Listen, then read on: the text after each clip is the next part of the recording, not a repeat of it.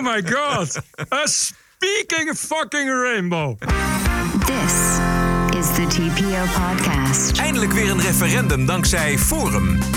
Eindelijk ook weer eens echte vragen op de persconferentie van Rutte. Ik heb me echt voor deze persconferentie onvoldoende. Ik had die niet verwacht. Hè. Kijk, deze hele stapel denkbare vragen. Uh, dus daar kan ik zo nu geen antwoord op geven. En D66. Matig, lief, zacht. Kortom, een aflevering vol fatsoen, tolerantie, empathie. Aflevering 206. Ranting and Reason. Bert Bresson, Roderick Phalo. This is the award-winning TPO podcast.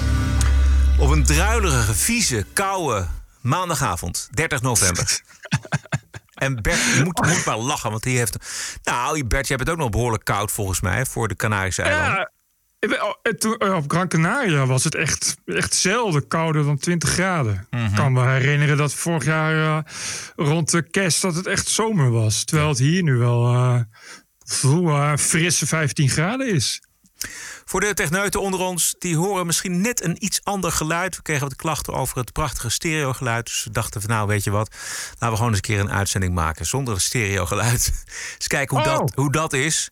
Geloof niet dat Bert het verschil hoort, maar er is wel degelijk verschil verschil. Nee, nou goed, dat is... eh, En, en, en ik, heb, eh, ik, heb, eh, ik heb nu een kabeltje. ah, Dus oké. ook, ook, geen, ook geen wifi meer. Oké, goed. Ik heb nu mijn, mijn, mijn 4G-router staat nu boven op mijn dak. Mooi verpakt in een lege plastic fles. Te richten op waar het meeste 4G komt. Ja, Dus, dus nou, ik heb nu heel veel upload en heel veel download. fantastisch. Aan de verbinding En zal het niet liggen.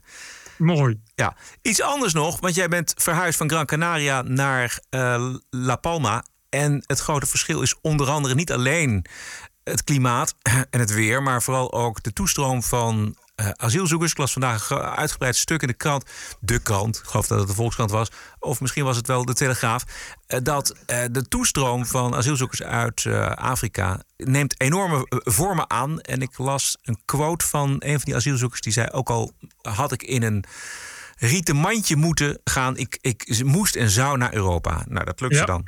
Ze koersen vrijwel allemaal af op eh, de zuidpunt van Gran Canaria. Dat heeft ook te maken met een opstappunt in, eh, in de, in de Sahara-woestijn. Eh, is dat Sahara? Ja, dat is Sahara, toch? Ja. Zeker, ja. Eh, heel soms komen ze ook al aan op Lanzarote of Fuerteventura. Die liggen natuurlijk als eerste. Maar als je een koers vaart die zij varen, dan ga je daar heel ver onderlangs. Vandaar. Eh, soms worden ze dan opgepikt door de, door de Guardia Civil. Omdat ze eh, in, in het water ronddobberen. Maar meestal komen ze gewoon aan. In het zuiden van, ehm, van Gran Canaria. Daar zitten nu vrijwel met z'n allen moeten ze hutje-mutje liggen op, eh, in Arginnekin. Ehm, er zijn er gewoon hele slechte omstandigheden. eh, zoals van ouds. In, eh, ja, het lijkt een beetje op Lesbos. Tent, tentenkampen Joh. met veel smerigheid en geen voorzieningen en noem het allemaal maar op. Een gedeelte is in de leegstaande hotels gezet. Die hotels, en dat zijn vooral twee- en drie sterren hotels. Die hotels staan leeg omdat het corona is en omdat er geen toeristen zijn. Het gevolg daarvan is dat eh, die lui maken foto's van eh, luxe hotels. Ja. Van, eh, van elkaar in het zwembad. Die sturen ze naar Ja. huis, waardoor de aanzuigende werking echt enorm is. Eh, ondertussen ehm, is de plaatselijke bevolking, ehm, die wordt daar steeds minder blij van. Eh, de spanning begint ook al aardig op te lopen. En dat heeft ook te maken met het feit ehm, dat er veel eh, met, eh, besmette, met de corona besmette eh, asielzoekers tussen zitten. Die worden dan weer soms op andere plekken geplaatst. Dat is zoals laatst in een dorp vlakbij, waar dan helemaal niemand een coronabesmetting heeft. En die krijgen dan een enorme kolonie met coronabesmette asielzoekers in, hun dorp. Hoe hou ik het, het draagvlak overeind? Dus op die manier? Nou ja, nul. En het is ook het is verder precies hetzelfde als, als Griekenland. De Europese Unie die doet helemaal niets. Eh, de, de, de, de altijd beloofde eh, solidariteit van de Europese Unie bestaat wederom he- helemaal niet. Eh, de Spaanse regering die doet ook helemaal niets. Eh, na veel wikken en wegen is er dan iemand gekomen en komen er mensen op bezoek. En je weet hoe dat gaat. Die trekken hele, hele gevoelige eh, blikken en die houden krokodillentranen. En die beloven dat er heel veel gaat veranderen. En die gaan weer terug naar Madrid. Bert, eh, die afstand tussen de Canarische eilanden, tussen Gran Canaria en de Afrikaanse westkust, die is al eeuwen dezelfde. Eh, Ja. Waarom is het nu opeens zo'n hoos aan asielzoekers? belangrijkste reden is dat alle andere routes netjes zijn afgesloten. De Middellandse zeeroute is, is netjes ingedampt, et cetera. Dus nu gaan ze het zo proberen. En dat heeft dus ook te maken met het feit dat eh, nu zo'n beetje heel Afrika deze route gaat proberen. Ja, Eh, wat overigens ook met de zomer te maken heeft. Je gaat zien dat binnen een maand of twee houdt het helemaal op, omdat de zee dan te ruw wordt. Laten we eventjes naar eh, iets anders kijken. Namelijk de stand van zaken in zaken Forum. Eh, wat is er nog over van Forum? En dat wat er nog over is van Forum voor Democratie gaat een referendum houden over de vraag: wilt u dat Thierry Baudet partijleider blijft van FVD? De vraag is eh, of ja of nee. En ehm, mijn inschatting is, omdat de oppositie tegen Baudet en alle alternatieven de partij inmiddels verlaten hebben, kunnen we voor het gemak wel uitgaan van de uitslag dat Baudet dit referendum met gemak wint. En dan zou hij ook zo nog maar op twee zetels eh, kunnen komen in de Kamer. Ehm, en dan gaat hij toch weer vier jaar de Kamer in. En dan niet met Theo Hiddema, met Wiebrum van Haga. Dat is heel in het kort mijn analyse. Bert, wat denk jij? Ja, er er valt weinig verder aan te analyseren, vrees ik. dit, is een beetje, dit is een beetje wat er overblijft. Weet je, Vraag is 1 ook, plus 1 is 2. Ja, ja. ja, wie, wie het nieuwe bestuur gaat worden eigenlijk. Maar ja, het maakt allemaal niet zoveel uit. Want er is, er is alle oppositie is weg. Het is er nu eh, gewoon Baudet alleen in heerschappij. Ja, exact. Dat is het. En, en het is ook, want ja, hij heeft geen tegenstrever. Die lijsttrekkersverkiezing is, eh, wordt 100% stemmen voor Baudet. Ik zag vandaag, nee, van het weekend zag ik natuurlijk op de eh, site van Maurice de Hond de peiling. En ik, het, Ja. het viel me nog mee, moet ik zeggen. Drie zetels peilde die voor Forum voor Democratie. Ja, maar wel dat de, de- van de overgebleven FVD-leden. Het, eh, wat is het? Had 94% eh, eh, steun voor Baudet. Ja. Dat zijn dan wel de overgebleven drie leden die dan. En daar twitterde die ook heel blij mee. Meer dan 89% van die ondervraagden vonden dat veel te veel werd geframed in de media. Oh ja. Over, over antisemitisme en racisme. Dat Ja. zijn dus ook 89% van die drie overgebleven zetels. Ja, dit zijn de gelovigen. Er zijn natuurlijk een aantal mensen die vertrokken zijn op stel en sprong. Eh, waar we nog niks van weten. Eén daarvan is natuurlijk Theo Hiddema. Ik weet niet of we daar ooit wat van te horen zullen krijgen waarom hij zijn biezen pakte. Maar eh, wat we ook nog niet precies weten is waarom senator Paul Cliteur is opgestapt. Eh, ook niet na zijn interview met het Leidse Universiteitsblad Mare. Heb jij een enig idee? Wat, ik weet is ehm, dat in elk geval Hiddema, die, die, goed, die had, het, had het wel gezien. En die wist in elk geval dat hij, eh, als hij zou stoppen, of weet je, na de Kamerperiode, dan eh, zou hij elk geval uit de politiek gaan.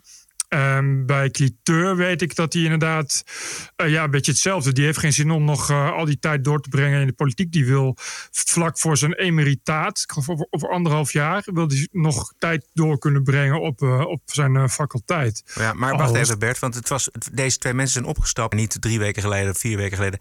En ook niet in de toekomst. Die zijn opgestapt op een heel specifiek precair moment. Namelijk dat er opnieuw rotzooi Ja, naar buiten kwam.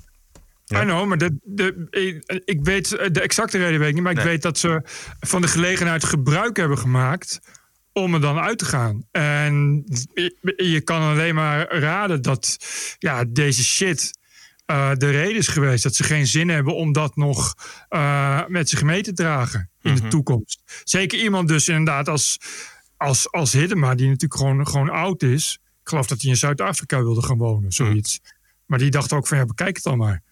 Ik ga niet, ik ga niet de laatste jaren van mijn leven dan ook nog eens een keer deze, deze zooi achter me aan hebben. Dan kan ik net zo goed nu uitgaan. Eh, Maar het, het verbaasde iedereen de snelheid. Ook de, de voorzitter van de Tweede Ja. Kamer. Die wist dat, dat hij zou opstappen, Hiddema. Maar dat het allemaal zo snel moest. En dat, ja, dat, het, ik vraag het. eh, Ik vind het interessant omdat dit natuurlijk twee hele trouwe bondgenoten van Baudet zijn geweest. Precies. Eh, en die op het moment dat Baudet heel erg fout in de media terechtkwam. En er het, van alles aan de hand was bij Forum. Dat zij op dat moment er dan voor gekozen hebben om, om uit die partij te stappen. Wat vond je Nou, van ja. dat in- interview met, met ehm Cliteur in Mare? Ja, weet je, ik begrijp hem wel. Eh, en ik vind ook wel eh, dat, hij, dat hij uiteindelijk gelijk heeft. Kijk, wat hij zegt is, is en dat heeft hij altijd gedaan, is ja, je, je, je kan wel... je kan wel van alles vinden wat die jongen in privé zegt, maar ik reken hem af wat hij politiek doet. Uh, en alleen omdat hij extremistische dingen wel of niet zegt, maakt mij nog geen extremist. Uh, en en is nu natuurlijk wel een beetje een heksenjacht begonnen op Cliteur. En dat was uh, eigenlijk dat duurde nog lang, wilde ik zeggen. Dat, was, dat was te verwachten. Nu krijg je natuurlijk dat al, iedereen gaat roepen: ja, die, uh, dat, uh, dat hele, die hele faculteit in Leiden, dat was al extreem rechts. En zie je wel, er zitten nu ook jodenhaters en fascisten bij, want hij neemt geen afstand van Baudet. Maar dat heeft hij nooit gedaan. Hij heeft altijd. Hij is altijd bij uitstek degene geweest die die tot het einde doorgaat met het, ja, met het voor wat hem betreft opnemen voor die vrijheid van meningsuiting. En het feit dat anderen dat zeggen, niet hij. En hij is vaker, als ook bij zo'n debat in de Bali, waar het dan over uh, moslims ging, uh, of over de islam ging. En, en, en, toen riep iemand in de zaal, Benedette de Wit geloof ik, ja. dat mos, moslims gedeporteerd moesten worden.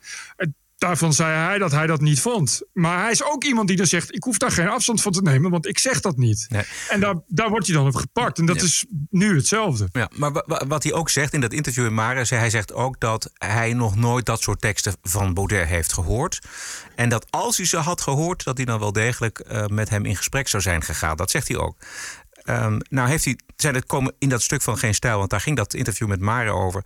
Uh, komen natuurlijk een aantal mensen aan het woord die bevestigen dat wat er in dat stuk staat ook daadwerkelijk gezegd is. Onder andere Machteld C. Uh, ja. Ook geen onbekende van Cliteur.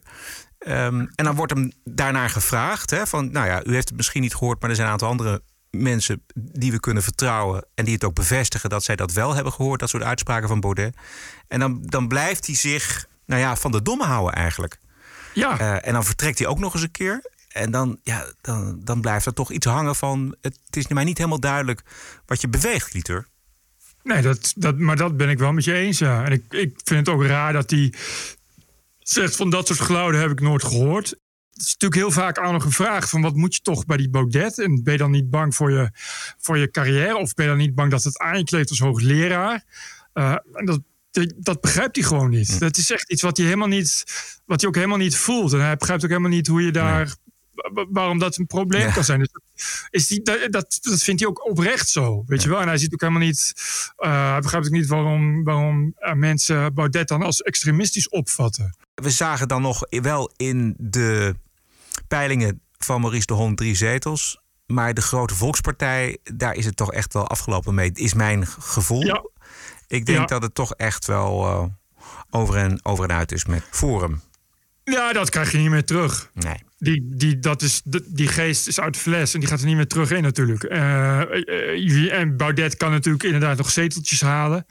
Uh, dat, maar dat is natuurlijk, is natuurlijk zinloos. En je zult dan nog zien dat, die, dat mensen dan bij, als ze hem zien optreden, nog een, nog een oud FVD-gevoel terugkrijgen. Dus misschien zal het dan ook wel iets groeien. Maar dat die brede, brede liberaal-conservatieve volkspartij is natuurlijk gewoon weg. Precies. Maar, en ik, omdat alle foute jongetjes ook blijven zitten, denk ik dat we nog wel uh, de komende maanden uh, het een en ander te, horen krijgen. Ik bedoel, dat blijft lekker natuurlijk. Als het er eenmaal is, dan, dan zal het ook wel blijven lekken. Uh, dus dat, dat doet het imago van deze partij ook geen goed. Beetje jammer is het wel. Tuurlijk, het is zeker jammer. Het is ook echt jammer voor al die kiezers die ehm, toch lange tijd vervreemd zijn geweest van de politiek. Uh, weinig vertrouwen hebben gehad in de democratie. En daar steeds minder vertrouwen in kregen. En eindelijk dachten dat er wat was. En ja, nu toch weer uiteindelijk het deksel op de neus krijgen. Kleine stap, maar laten we van Forum voor Democratie naar D66 gaan. Zaterdag was er het D66-congres, een livestream. Zag er goed uit, moet ik zeggen. Met als onderdeel uh, de pep talk van Sigrid Kaag. Haar speech duurde ruim een kwartier. Dus uh, deze samenvatting van 30 seconden doet er geen recht aan het hele verhaal. Maar het draait bij D66 wel allemaal hierom. Er staat bij deze verkiezingen te veel op het spel. De vraag is niet of Nederland nog Nederland kan blijven. De vraag is of Nederland weer Nederland kan worden. Nou, dat is bijna Trump, is dat, hè? Make Holland great again. Ja, inderdaad zeg. Dat is bijna dat, maar ze gaat verder. Land waar menselijke waarden worden gekoesterd. Fatsoen, tolerantie, Fatsoen. empathie. Ik doe geen beloftes die ik niet waar kan maken, maar deze doe ik wel. Ik ga voor jullie het vuur uit mijn sneakers lopen. Oh. oh, dit had ik nog helemaal niet gehoord. Ik had wel natuurlijk dat, dat verschrikkelijke fatsoengelul gehoord. En Die, oh, doe nog eens. De, de volle 28 seconden. Ja, ja, ja, ja, ja. Er staat bij deze verkiezingen te veel op het spel. De vraag is niet of Nederland nog Nederland kan blijven. De vraag is of Nederland weer Nederland kan worden. Een land waar menselijke waarden worden gekoesterd. Fatsoen, tolerantie, empathie. Ik doe geen beloftes die ik niet waar kan maken, maar deze doe ik wel.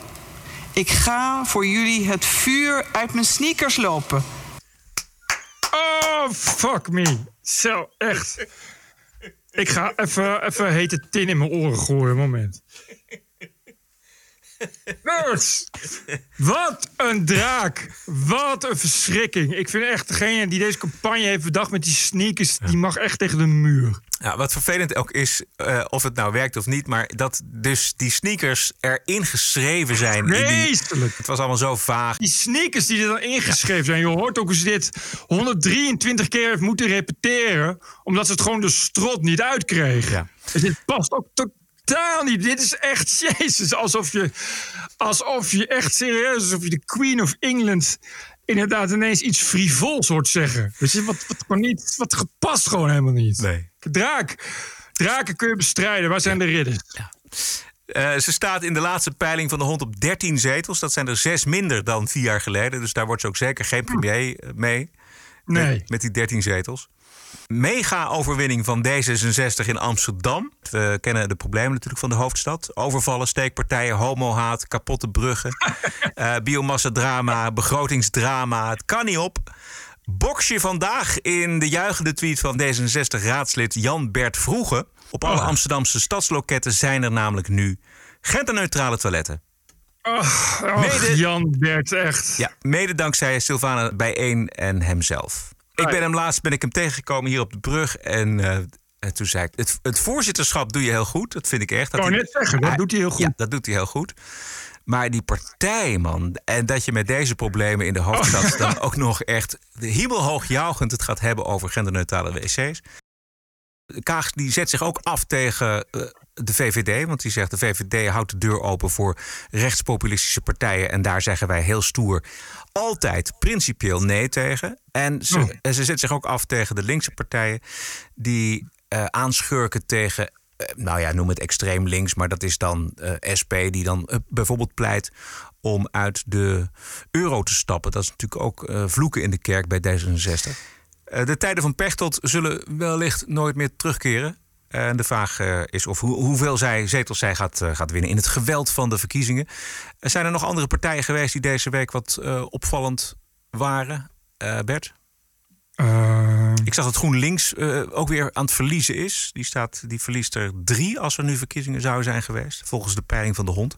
Vond ik eigenlijk ook opvallend. Dus dat het, kan met Kautar te maken hebben. Maar het kan ook met andere zaken. Met een soort vermoeidheid, GroenLinks vermoeidheid te maken hebben. ja, precies. Maar goed, die peilingen die wisselen nogal Ja, snel. dat is waar.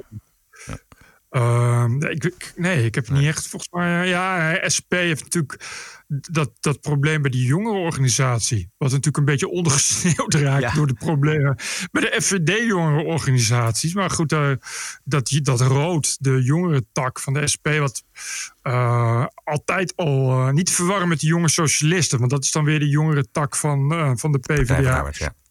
Ja, eh, de jongere tak van de SP is natuurlijk altijd wel radicaal geweest. Een beetje wat bij jongere partijen hoort. En de SP is van zichzelf wel radicaal, dus dat ligt voor de hand. Maar ehm, ja, dit, ze hebben nu een nieuwe voorzitter verkozen. Dat is een van die jongeren die eh, nogal actief is op eh, eh, een van een nieuw communistisch platform. Ja, ja, zolderkamermarxisten. Ja, ja. Het is een van, maar Ja, een van de jongens, sorry, even, eh, uit, een van de jongens die ook samen in dat groepje heeft op een gegeven moment gepleit voor gewapend deelnemen van de arbeidersklasse aan de klassenstrijd. maar ja, Jezus, dat. gewoon klassiek marxisme. Ja, ja. Of, of nou klassiek communisme ook. Ja. Wat is kennelijk wat ze voor ogen hebben. En, en als je leest wat ze op die site schrijven, denk ik van ja, ik snap niet waarom dit nou al zo als een grote verrassing komt. Nou ja, Ronald van Raak die, zei, die had het over bij Geen Stijl TV. Die zei van, we, zijn eh, socialisten en we zijn geen marxisten. En het lijkt er een beetje op eh, dat eh, de SP, dus die, dat, dat drama wat we bij Forum voor Democratie eh, zien en zagen, dat, dat ze dat voor zijn. Maar ja, ik, Precies. ik vind dat soort marxistische teksten vanaf een zolderkamer vind ik toch minder schokkend, moet ik eerlijk zeggen, dan eh, antisemitisme uit de mond van eh, FVD-jongeren.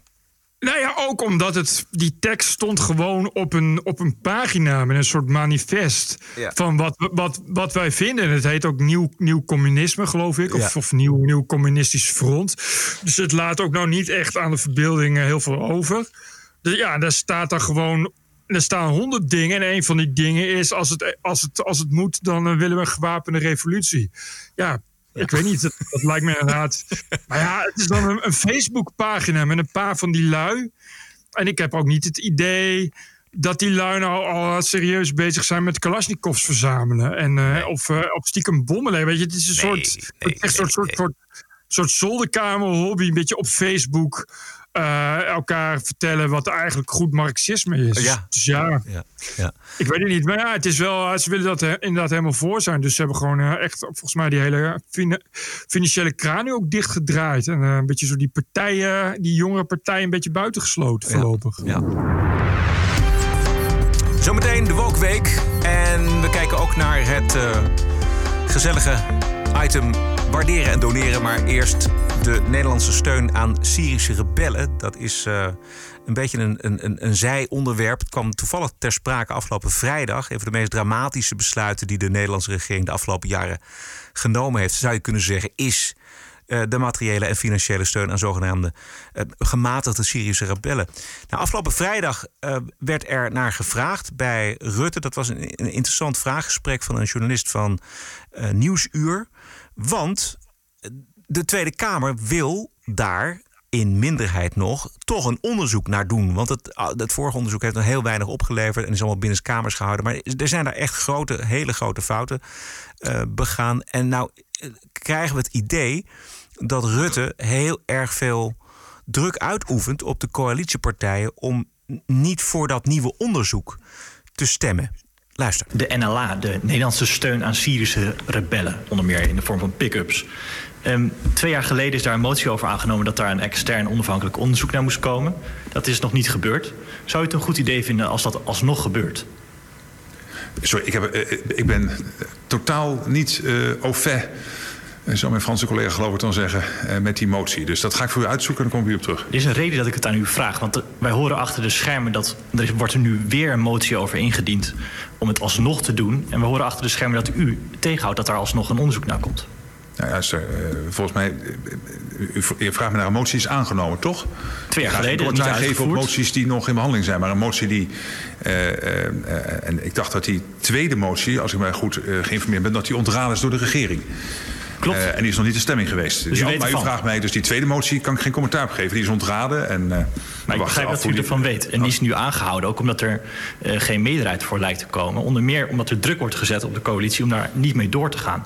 Heeft u zich bemoeid met die motie? Ja, ik bemoei me met zoveel dingen, maar daar kan ik natuurlijk niet in detail op ingaan. Maar u vroeg mij over de vorige motie van twee jaar geleden. En dat weet ik echt niet hoe het daar... Of die, U zegt u bemoeit zich met zoveel dingen, maar dit is nog van twee weken geleden. Dat kunt u zich vast nog wel herinneren. Heeft u zich ermee bemoeid? Ja, ik, ik, ik ben altijd heel erg terughoudend om hier inzage te geven in mijn werk eh, op een soort uur tot uur basis. Dat gaat gewoon niet. U hoeft ook niet op uw Nee, uur dat, tot uur, dat maar deze om dat motie. niet te doen. Dat vind ik niet correct. Dat is soort contact. Er is natuurlijk tussen bewindslieden en fracties. En in zo'n coalitie wordt er over zo vreselijk veel gesproken. Dat bijna alle grotere onderwerpen wel eens een keer ook op mijn tafel liggen. Nou, u bent blijkbaar op de hoogte. Kunt u dan uitleggen waarom u geen onafhankelijk onderzoek alsnog wil? Ja, maar dan zou ik de motietekst moeten hebben. Heeft u coalitiegenoten gebeld met de mededeling of gesproken met de mededeling... ik wil niet dat die motie wordt aangenomen of ik wil dat die motie wordt aangehouden? Nogmaals, ik heb eh, over zoveel onderwerpen met zoveel mensen contact. Maar daar kan ik Ah, niet ja, altijd blijft eh, in openbaarheid over draaien. praten. Het lijkt er toch op dat u dat heeft gedaan. Ja, maar dat is dan uw conclusie. Daar heb ik echt geheel voor u. En we horen mensen achter de schermen die dat zeggen, maar u gaat er niks over zeggen. Nee. Hoe erg zou het zijn als er nou weer onderzoek naar gedaan wordt? Wat zou er dan naar boven komen? Ik heb me echt voor deze persconferentie onvoldoende... Ik had die niet verwacht. Hè. Kijk, deze hele stapel denkbare vragen. Eh, dus daar kan ik zo nu geen antwoord op geven. Want dit speelde weer een tijdje geleden. Dus Jeez. Twee dingen. De- dit laatste zegt hij van ja, ik, ik, ik, ik bereid me alleen voor met antwoorden en vragen die ik ken. En dit zat er eh, niet tussen. Dus hier ga ik geen antwoord op geven. Maar hij heeft natuurlijk geen enkel belang bij om hier antwoord op te geven. Want ik hoor dit toch wel dat eh, zo'n nieuw onderzoek helemaal Rutte niet uitkomt natuurlijk. Nee, dat zal wel niet. Dat En- Zo'n nieuw onderzoek zal ik wel eh, weinig opleveren waar Rutte blij van wordt. Precies, en daarom zegt hij tegen zijn eigen partij VVD, maar ook tegen CDA en eh, D66 en ChristenUnie. Er moet geen meerderheid komen voor nog een onderzoek, want we hebben helemaal geen zin om die ellende en dat drama naar boven te halen. Precies. Terwijl er wel met Nederlands materieel misschien wel duizenden mensen zijn afgeslacht in Syrië. Ja, dat, dat waren toch door Nederland betaalde Toyota Hiluxen en zo. Precies. Geen wapens, maar wel, eh, nou noem het eh, Ja. eh, ja, ondersteunend materieel. Maar ja, op zo'n pick-up truck kun je makkelijk een machinegeweer monteren. Dat is geen enkel probleem. Ik neem aan dat Rutte dit toch eh, graag tot aan de volgende verkiezingen eh, eh, weg blijft duwen. Ja, dit, hier, hier zijn geen winnaars volgens mij, Bert, achter dit verhaal. Nee, maar bovendien, dat moet lukken. Dat is nog maar vier maanden. Met alle recessen erbij is dat toch, Ja. moet dat mogelijk zijn. Ja. Corona. Ja, maar, je, bedoel, wat, ja, Ja. dat, ja, nee, maar, nee, maar ik vind dit wel, welke journalist was dit? Van welke, nieuwsuur. ja, dit was wel uh, goed doorvragen. Ja, dit is heel goed doorvragen. Zomet, eh, zometeen gaan we, gaan we ook weer doen. Oh ja, we gaan naar de Wokweek zometeen. Maar eerst wilde ik gaan waarderen en doneren. Geen advertenties, geen subsidie. TPO Podcast is onafhankelijk geluid. En welke waarde dit geluid eh, voor u heeft, dat is helemaal aan u. Dat kan een euro zijn per aflevering. Dat kan eens een keer 20 euro, dat kan eens een keer 100 euro zijn. Eh, twee keer per week. Wat is het u waard? Waarderen en doneren kan op tpo.nl slash podcast. En donatie toelichten kan met een commentaar. eh, het e-mailadres info.tpo.nl Hoe loopt het, Bert, met de donaties? Op zich prima. Alleen ik heb eh, maar één, één, eh, één eh, ding. Oh, één, één briefje. Eén eh, briefje. Één commentaar. Ja, op zich, het kan altijd beter. Dat mensen niet denken dat ze kunnen stoppen met doneren omdat het heel goed gaat. Dus, eh, elke donatie is toch weer eh, een, nieuwe, een nieuwe mogelijkheid om verder te gaan. Zeker als ze het twee keer per week doen. Denk eraan, hè, Roderick moet ervan leven.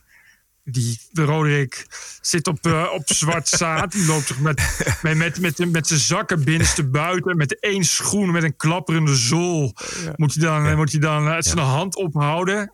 Bij het stempelkantoor. Ja, maar ja, Maar, goed. eh, Kijk, Bert, als het, dus, als het niet lukt, dan, dan ga ik gewoon toch ook weer op zoek naar wat ander werk. Nou ja, dan gaat hij misschien wel weer terug naar één keer per week. Zo. Ja, dus Oh. dat, willen, dat willen mensen ook niet. Dus uh, hup, hup, doneren. Uh, maar lang, niet iedereen wil mailen, kennelijk. Oké. Wel hebben we Rogier Jansen, die eh, zit in Indonesië. En daar hadden we vorige Oh. keer gezegd... Van wie zit er eigenlijk te luisteren... omdat we zoveel beluisterd worden in Indonesië, zo bleek. Beste heren, een bericht uit Indonesië. Ik eh, doneerde een schamele 14 euro. Maar de reden dat ik hier zit... is dat we denken dat hier de toekomst ligt. De gemeenschap, de gemeenschap kent elkaar hier half. Noem mij maar eh, Rogier Rogier. Oh, oké, Rogier, sorry. Ik heb niet zijn achternaam genoemd. Nee. Eh, anyway, ga door, want ik krijg er meer energie van. Eh anyway, goed van Rogier en alles mag genoemd worden. Dus Rogier zit in Indonesië en doneert 14 euro. En Rogier is een van die vele luisteraars in Indonesië. Precies, want ik geloof dat we op nummer 13 staan in eh, de top eh, 100 van best beluisterde podcasts in Indonesië. Ik vond het een beetje een, een wa- wat hoge notering. Maar ja, het, zijn allemaal, het is allemaal volgens de statistieken. Het kan zijn dat er nog niet heel erg veel podcasts geluisterd wordt in Indonesië. nee. Dat kan heel goed. En dan kom je vanzelf eh, hoog uit. Maar eh, het is toch wel bijzonder dat we de dertiende zijn. Nou ja, hier heb je dus Rogier. Dat is zo eentje. Geweldig. Die hier. eh, in de insulinde, de gordel van smaragd, in onze overzeese gebiedsdelen contact houdt met het thuisfront. En wat doet Rogier daar? Ja, weet ik niet. Het staat er niet bij. Oh, dat heeft hij niet verteld. Nee, misschien, eh, weet ik niet. Max Havelaar lezen of zo. Je weet je, koffie verbouwen. Rubber, rubberplantage bestieren. Dit is de TPO-podcast. Een eigenzinnige kijk op het nieuws en de nieuwsmedia. Elke dinsdag en elke vrijdag. Twee keer per week. Het hele jaar door. Zonder reclame en zonder een cent subsidie. 100% onafhankelijk.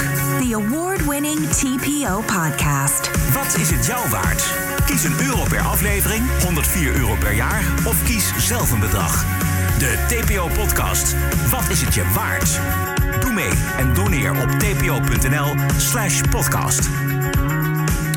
Goed idee, doneren en waarderen. En wij vragen ons nu, hoe lang zijn de tenen deze week?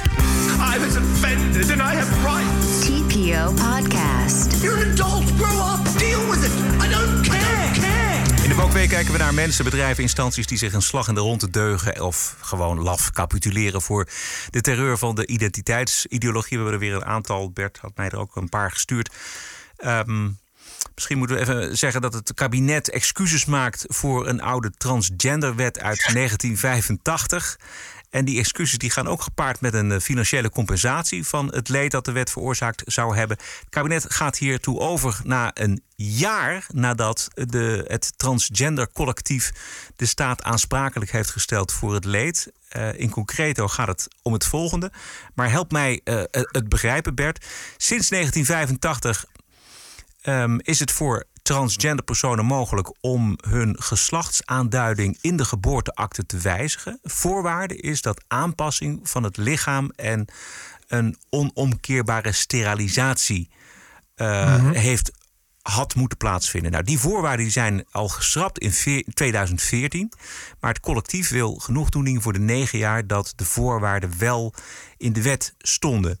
En nou kan ik me wel iets voorstellen bij dat laatste, namelijk dat je, um, dat je sterilisatie eist. Want daarmee ja, kun, eh, verbied je eigenlijk om, een, om, om kinderen, langer kinderen te krijgen. Ja, een rare eis ook. Ja, dat vond ik een rare eis.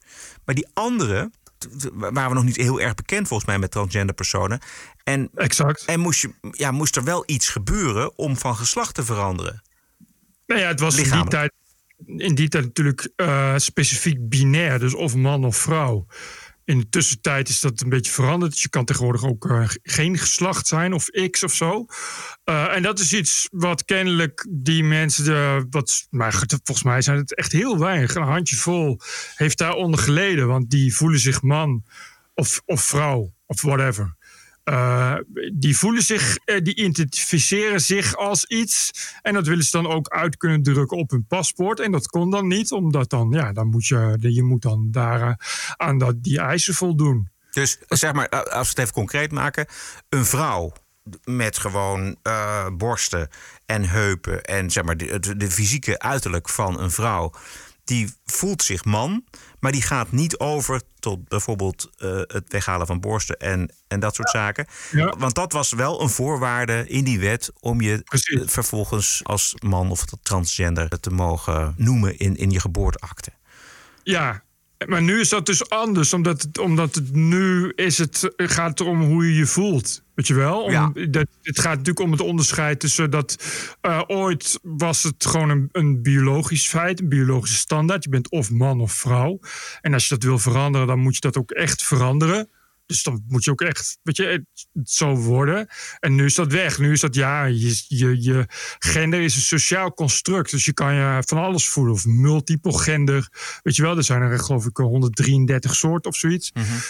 Ja, en, het- en door, door dan te zeggen van ja, eh, je, moet, je moet daar eerst fysiek aan voldoen, is dat Ja. natuurlijk eh, discriminerend of zoiets. Maar Wat, wat allemaal wel zo zal zijn, maar om daar nou excuses en herstelbetalingen voor te doen, is een beetje eh, overdreven en riekt wel heel erg naar symboolpolitiek. Nou, dat vond ik ook. Eigenlijk is dat wel het, het belangrijkste punt. Want hoe noemen we dat? Dat noemen we voortschrijdend inzicht. Eh, Ja. ja, er zijn zoveel wetten die niet deugen en die worden aangepast. Het aantal wetswijzigingen is ontelbaar in Nederland. En gelukkig maar. Want we worden wijzer en we, en, en we veranderen. Maar eh, dit slaat natuurlijk nergens op, denk ik. Voelt mij. Nee, ook, ook, ook omdat je over welk leed heb je het. Weet je, ja, het, Nou ja, het is hebt allemaal. het, ja, je hebt het over het, het leed dat, eh, dat, wat die sterilisatie betreft, dat mensen dus geen kinderen meer kunnen krijgen. Ja, nee, dat is wel leed, inderdaad. En dat is ook, eh, eh, dat is, en dat is dan wel, als het alleen daarom ging, kun je zeggen, excuses, het was nog niet echt netjes voor ons om sterilisatie te eisen. Wat, wat, ik begrijp niet helemaal waar- waarom dat erin staat überhaupt, maar goed. Eh, dus, dus dat, dat is hetzelfde als dat je dan. eh, tegenwoordig mag het dan eh, eindelijk wel. Als je als homoseksueel mag je ook bloed doneren, weet je wel. En daar waren natuurlijk redenen voor, maar die zijn toch een beetje obsolet. Dus dan snap ik wel dat je daar excuses voor aanbiedt. Maar zoals het nu wordt gedaan, wordt het gedaan alsof er echt ja, massaal mensen de meest verschrikkelijke dingen is aangedaan. Ja, alsof de Nederlandse staat. Nee, alsof de, de democratie, want die, zo komen die wetten tot stand. eh, Dat, dat de Tweede Kamer een misdaad heeft begaan ten aanzien van transgenders. En, eh, Wat, wat niet zo is. Nee, wat bedoel, niet zo is, precies. bedoel, Een handjevol wat, wat, wat waarschijnlijk destijds wel graag eh, hun seks had willen veranderen op hun paspoort, maar dat niet kon. Nee. Ja, oké, maar ja. Kijk, dus uiteindelijk is zo'n overleg met het transgender collectief. Wat een jaar geleden heeft plaatsgevonden, is ook ongelooflijk. Hè? En eh, is dit nu de tijd om een handreiking te doen en excuses aan te bieden? En het, gaat niet van harte bij eh, minister van Engelshoven, daar is ze weer. Als je nou echt zegt van nou, we, zijn heel erg voor die transgenders, dan, dan regel je dat op korte termijn. Maar daar doe je dan niet nog eens een keer een jaar over. Nee, precies. Maar goed, bureaucratische molens uh, malen langzaam, dus dat begrijp ik wel. Maar ik denk wel dat het eh, voor Van Engelshoven wel van belang is, omdat het natuurlijk een, een momenteel een belangrijk woke-signaal is, wat je dan kunt exact. geven. Ja, precies. Dat Dus is, dat is, ja. Goed, dus, dus het is niet iets wat, wat ze dan. Eh, als, als iets kleins, er worden natuurlijk elke dag wetten veranderd. En die staan dan in de staatscourant of dat soort dingen. Eh, en, en dat was het. Weet je, als het iets belangrijk is, krijg je dat wel mee via de media. Maar dit is natuurlijk iets wat je dan natuurlijk als eh, graag beetje groots wilt wegzetten. Hè? Dat je ook het idee wilt geven dat er in het verleden echt honderdduizenden transgenders op de meest gruwelijke wijze verplicht zijn gesteriliseerd. Zo door, Ja. door, eh, door eh, ambtenaren bij het gemeentehuis zelf zo'n beetje. Dat is een beetje het idee wat je moet krijgen. eh, snap je wel?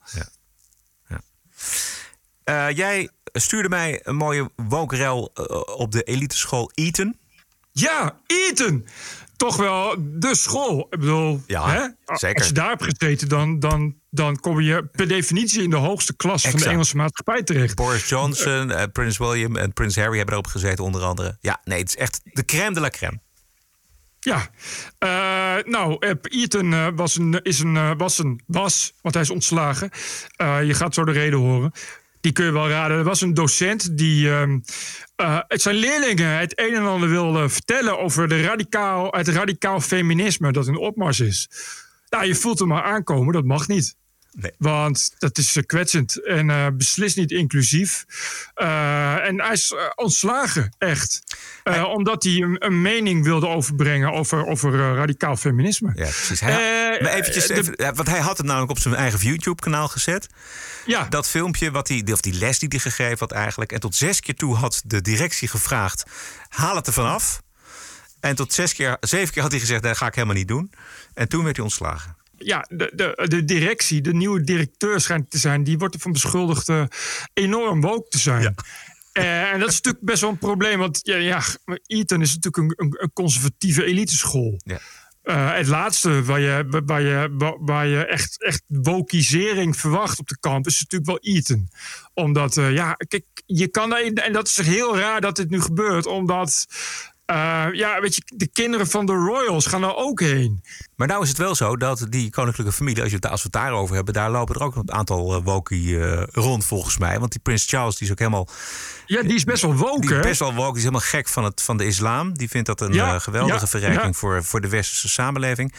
En ook die prins, wat is het, prins, die, die jongen die nou met die, die in Canada is gaan wonen. Prins Harry is dat inderdaad. Die, Harry. Harry, ja. Die vond Ja, hij ook- woont ook in Canada, dus dan Ja, eh, wat vraag je er ook Precies, om? daar word je vanzelf ook.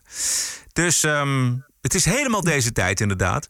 Het, het, het, enge van, vind ik zelf dat die woke-agenda eigenlijk per definitie agressief wordt doorgedrukt. Hè. Dus het gaat altijd Ja. gepaard met, met, met agressie. En dat zien we dus nu ook weer.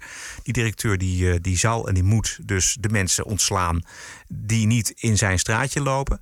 Ehm, En dan geeft hij ook nog zo'n geweldige eh, verklaring daarvoor. Namelijk, volgens hem druisen dan de video's van de leraar in tegen de wetten voor gelijkwaardigheid.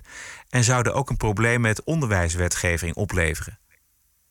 Ja, dat is heel raar. Want hij wordt dus, dus van beschuldigd uh, uh, de, de vrijheid van meningsuiting de kop in te drukken. Terwijl juist het idee is natuurlijk om de scholiertjes op Eton te leren kritisch te denken en overal bestand tegen te zijn.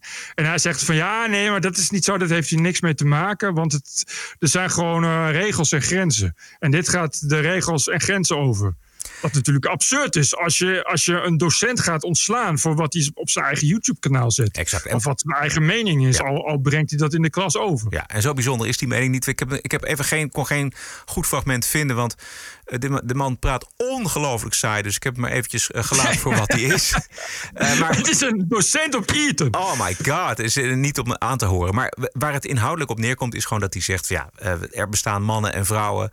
En eh, het radicaal feminisme gaat ervan uit dat eh, de- verschillen tussen mannen en vrouwen zo minimaal mogelijk moeten zijn. Of liever helemaal niet. Het moet gewoon puur gelijkwaardig zijn. Maar biologisch valt daar nog wel het een en ander op af te dingen. Dat, dat weten wij natuurlijk allemaal al. Maar dat is al een reden voor ontslag. Ja, ik dacht alleen maar, leefde Lord Mountbatten nog maar.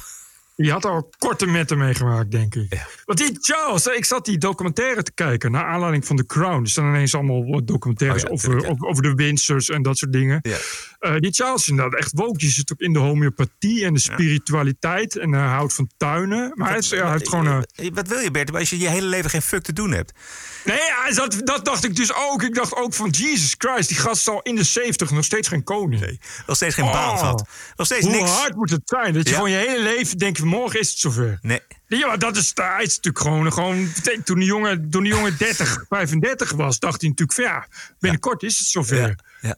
Dat je gewoon, ja, die, Nee. die jongen kan dus ook gewoon ook doodgaan. Hè? Die is gewoon bejaard. Ja. Dat is toch echt, echt zo bizar. Dat zou ook raar worden, denk ik. Ja. Met die zoveel macht, zoveel geld.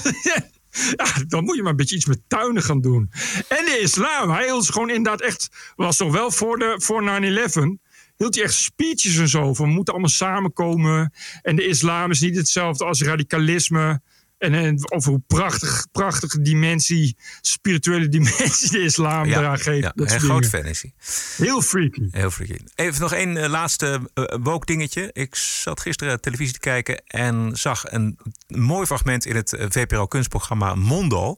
Normaal gesproken een verzamelplaats van deugend Nederland. Maar nu zat eh, NRC-columnist Maxime Februari zat er. Ehm, Oh, die is wel goed. ja, die is altijd verrassend. Die heeft altijd een hele verrassende kijk op dingen. En hij verweet deugend Nederland gisteravond dat ze heel goed kunnen aanwijzen wie er allemaal onethisch bezig is in de wereld, maar wel eh, lekker online bestellingen doen, voortdurend, de hele dag, de hele week, de hele maand, het hele jaar door. En weten dat die sorteerders bij Amazon en bij Bol bijvoorbeeld en al die bezorgers zwaar onderbetaald worden. Maar daar, Ja, ja, heeft, ja, ja. daar heeft deugend Nederland dan weer geen problemen mee. Luister. En die pakjesbezorgers die krijgen nog steeds te weinig betaald, terwijl iedereen het wel weet. En ik vind dat we de laatste jaren ontzettend inzoomen op iemand als Trump en zeggen eh, dat is een rare man. En we hebben de afgelopen week die hele Forum voor Democratie discussie gehad. En dan roepen we ze zijn antisemitisch, ze zijn anti-homo. En wat me ergert is de zelfvertedering die in de rest van de samenleving zit. Je kunt het aanwijzen, je kunt zeggen die zijn antisemitisch. Kijk eens naar ons, wij zijn dat niet. Wat zijn wij toch eigenlijk leuke mensen? Want wij zijn helemaal niet antisemitisch. Weet je wat, wij gaan het vieren. We bestellen nog een pakje en dat laten wij voor ons komen... omdat wij zo ongelooflijke leuke mensen zijn dat wij niet antisemitisch zijn. En vervolgens laten we die pakjesbestellers voor ons rennen en we betalen ze niet. En dat enorme probleem van, van de normaliteit van die hele grote groep in de samenleving die niet antisemitisch is, niet racistisch en niet anti-vrouw en niet anti-weet ik veel wat, maar ondertussen wel dit soort dingen gewoon laat bestaan zonder Ja. er ooit iets aan te doen, is echt veel groter probleem dan iemand als Trump. Ja, Ja, zij schrijft ook wel eens dit Hij- soort columns. Dat je Hij- zegt van... eh, ja, sorry. hij. Oh, oh, sorry. Hij, ja. Vroeger was het Marjolein februari. Ja. Maxime, maar dat, ze had eh, Henk of zo moeten gaan heten. Ik denk bij Maxime nog steeds. Maar goed, ja, dat ligt aan mij. Ja. Hij ehm, ja, is ge- gewoon een goede observator. En heeft als, als dus een van de weinige columnisten eh, begrepen... eh, dat het gaat om de observatie en de analyse... en niet om, om een identiteit of een partij te kiezen. Wat natuurlijk bij veel columnisten wel zo is. Ja.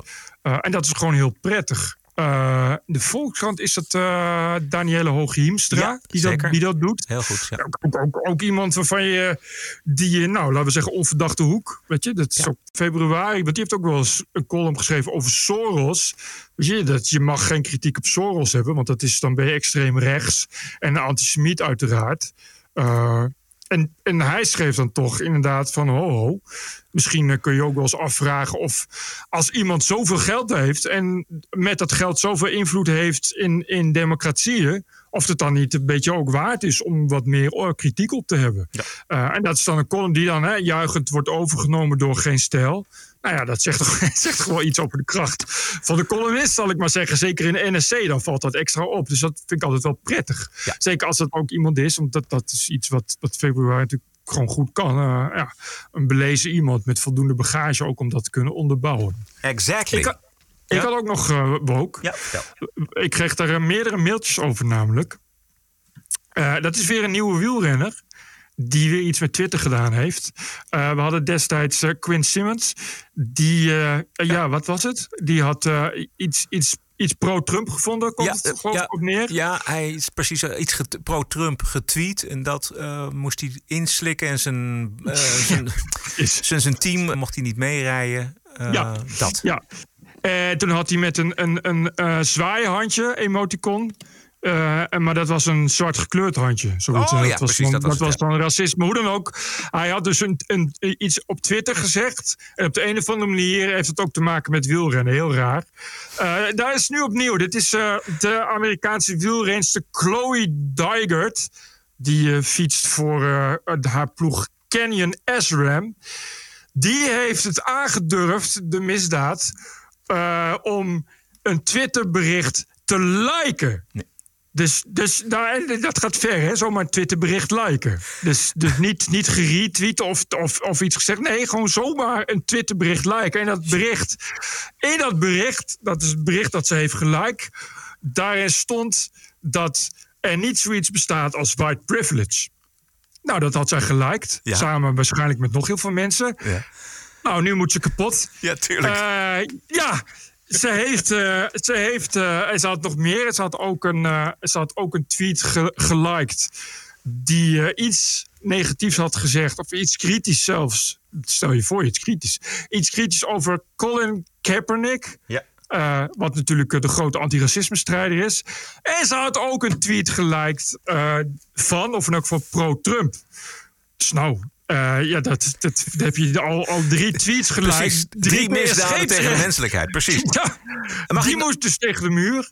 Ja. ze heeft haar tweets, haar likes, haar likes heeft ze weggehaald. Nee, nee. En ze, nee, wacht, wacht dit, dit is nog, nog de helft van het verhaal. Het wordt nog steeds leuk, veel leuker. Ze heeft haar likes weggehaald en een verklaring gegeven. En die verklaring luidt als volgt. Wielrennen moeten voor iedereen zijn, ongeacht kleur, geslacht, seksualiteit of achtergrond. Net als mijn ploeg Canyon SRAM zet ik mij in voor het promoten van diversiteit, inclusiviteit en gelijkheid binnen het wielrennen en onze communities. Ik ben vastbesloten om te blijven leren en te groeien als sporter en als persoon. Oh. Uh, dus, dus gaat op de knieën, ja. diep in door het stof. En nou denk jij, hiermee is de kous af. Maar nee, nee, nee, nee, nee, nee, nee. Uh, haar kledingmerk haar sponsor van haar kleding, dat is uh, de kledingbedrijf uh, Rafa, R-A-P-H-A, ik weet niet hoe het uitspreekt, ik heb er ook nooit van gehoord, is de kledingsponsor van haar en haar hele ploeg, Kenny en Esram. Die vindt die verklaring helemaal niet voldoende.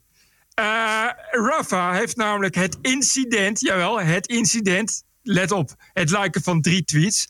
Ze hebben het incident officieel onderzocht en met Dijkert gesproken ook nadat ze excuses heeft aangeboden. En de kledingsponsor is tot de conclusie gekomen dat ze zeer ernstige beoordelingsfouten heeft gemaakt. Oh my god. De kledingsponsor zegt nu: wij verwerpen deze acties. Nogmaals, het gaat om het liken van drie tweets. Wij verwerpen deze acties ten zeerste omdat ze beledigend zijn, verdeeldheid zaaien en geen plaats hebben in sport of samenleving. Sinds we op de hoogte zijn van dit incident, hebben we de tijd genomen om helemaal uit te zoeken wat er is gebeurd. We hebben overlegd met de renster, haar ploeg Canyon Esram en met andere partners om tot een weloverwogen reactie te komen. We vinden dat Chloe zeer ernstige beoordelingsfouten gemaakt heeft. Die werden verergerd door, let op, die werden verergerd door excuses die niet voldoende waren. Wat een tuig! En nu komt het. We zijn ook van mening dat het vertrouwen in het vermogen van mensen om te veranderen de sleutel is tot oprechte verzoening. Na uitvoerig met haar te hebben gesproken, geloven we dat ze het vermogen en de wil heeft om, let op, te luisteren, te leren en te veranderen. Uh, en ze blijven de ploeg wel nog steunen. Ja, die, die Chloe die doet het natuurlijk omdat ze haar carrière wil redden. Ik bedoel, dat begrijp ik ook wel. Die is, die is, dat is haar, haar, zij droomt al als meisje van, van drie, vier jaar dat ze, eh, dat ze wereldkampioen een keer wordt. Dus dat, dat, dat... Nee, nee, ze is al wereldkampioen geworden. Okay. Eerder tijdrijden. Ze is Amerikaans kampioen uh, tijdrijden. Dus uh, ja, nee, inderdaad wat je zegt. En ze zal het misschien niet menen. Uh, laat het hopen. Um, maar ja, de, de druk is ongelooflijk. Ongelooflijk schandalig oh. dit. Ik, ik, er staat hier nog eens in, die viel, viel even weg onder een onderschrift. Maar haar ploeg Canyon SRAM heeft uh, al duidelijke stappen genomen om met Dygert hieraan te gaan werken. En er zijn gesprekken met een externe diversity and oh inclusion consultant. Oh, oh, wat is dit erg. De, Bizar, hè? Oh, man. Omdat ze dus een tweet heeft geliked. Zij willen niet in het verkeerde daglicht komen te staan. Dus er zitten allerlei commerciële belangen zitten hier aan vast. Dus het heeft weinig met moreel uh, uh, appel te maken. Maar die angst is zo enorm groot. Nee, maar het is, het is wel gewoon hard gegaan. Ja. ja. Want, want we, we, weten, we, hebben, we weten dat je, dat je als je uh, een verkeerd grapje twittert dat dan uh, binnen een uur de hele wereld over je kan heen vallen. En als je dan vijf uur later uit je vliegtuig stapt, dat je dan bent ontslagen. Uh, en, en je hele, hele leven overhoop is gehaald. Maar dit, dit is gewoon een hele nieuwe dimensie. Ja. Ik kan het niet anders zeggen dan. Dit is gewoon, gewoon puur Stalinisme. Ja. Dit is, dit is echt bang moeten zijn. Dat, ja, dit is letterlijk bang moeten zijn voor wat je buren vinden. Dit is echt stasi. Dit is psychologische oorlogsvoering. De vergelijking met uh, Oost-Duitsland en met de DDR en Stasi is ja, uh, volledig op zijn plek. Ja. Dit zijn commerciële belangen gekoppeld aan woke. En dat is, dat is een ongelooflijke, krachtige combinatie. Tot slot, we gaan even naar een The FM Talk Station. The Rush 24-7 Podcast. Los Angeles. And now, America's most exciting radio talk show. The Savage Nation. And we're here. How the hell did we get here? TPO Podcast. News Talk Radio 77 WABC. New York City. Democraten gaan echt regeren en linksmensen zijn hartstikke blij, want allemaal keurig nette meneren en mevrouwen. En de deur gaat weer uh, open, de, de, de grensdeur, want de grensmuur van Trump, voor zover die er stond, wordt uh, toch weer afgebroken, uh, zeer waarschijnlijk.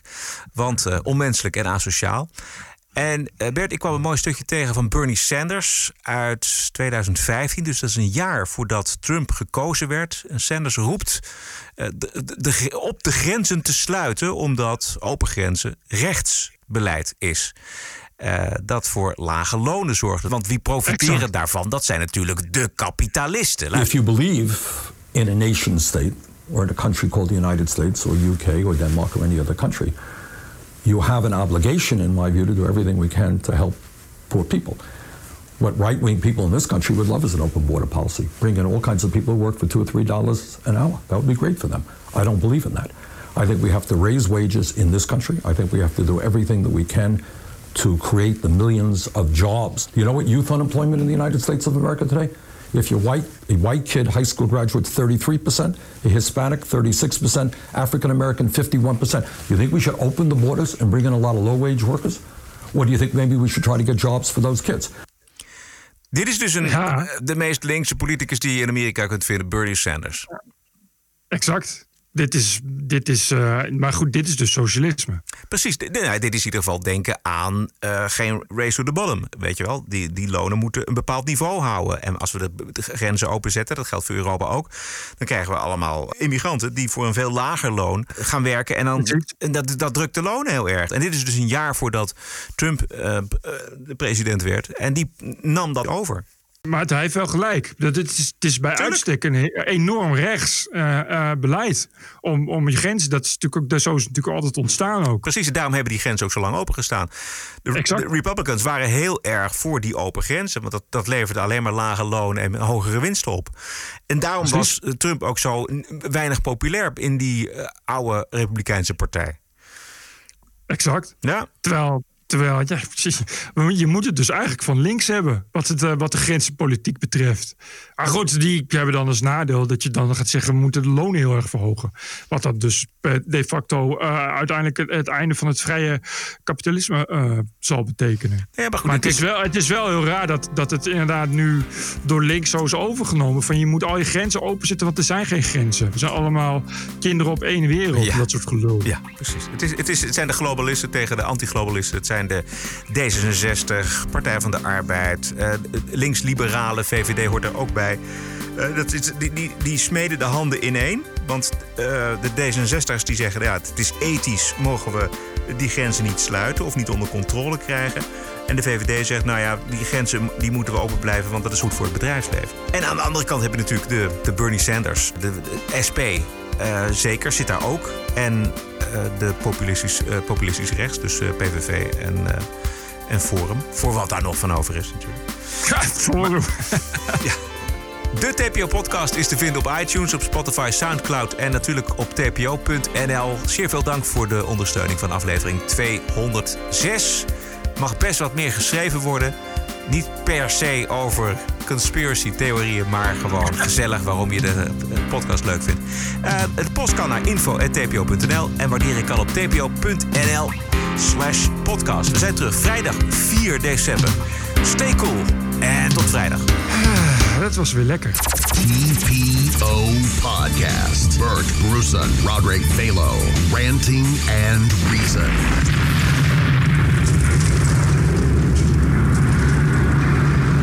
Fatsoen, tolerantie, empathie. En hoop. Podcasting is the TPO podcast in the Netherlands. Bert and Roderick. What a show. I'm telling you.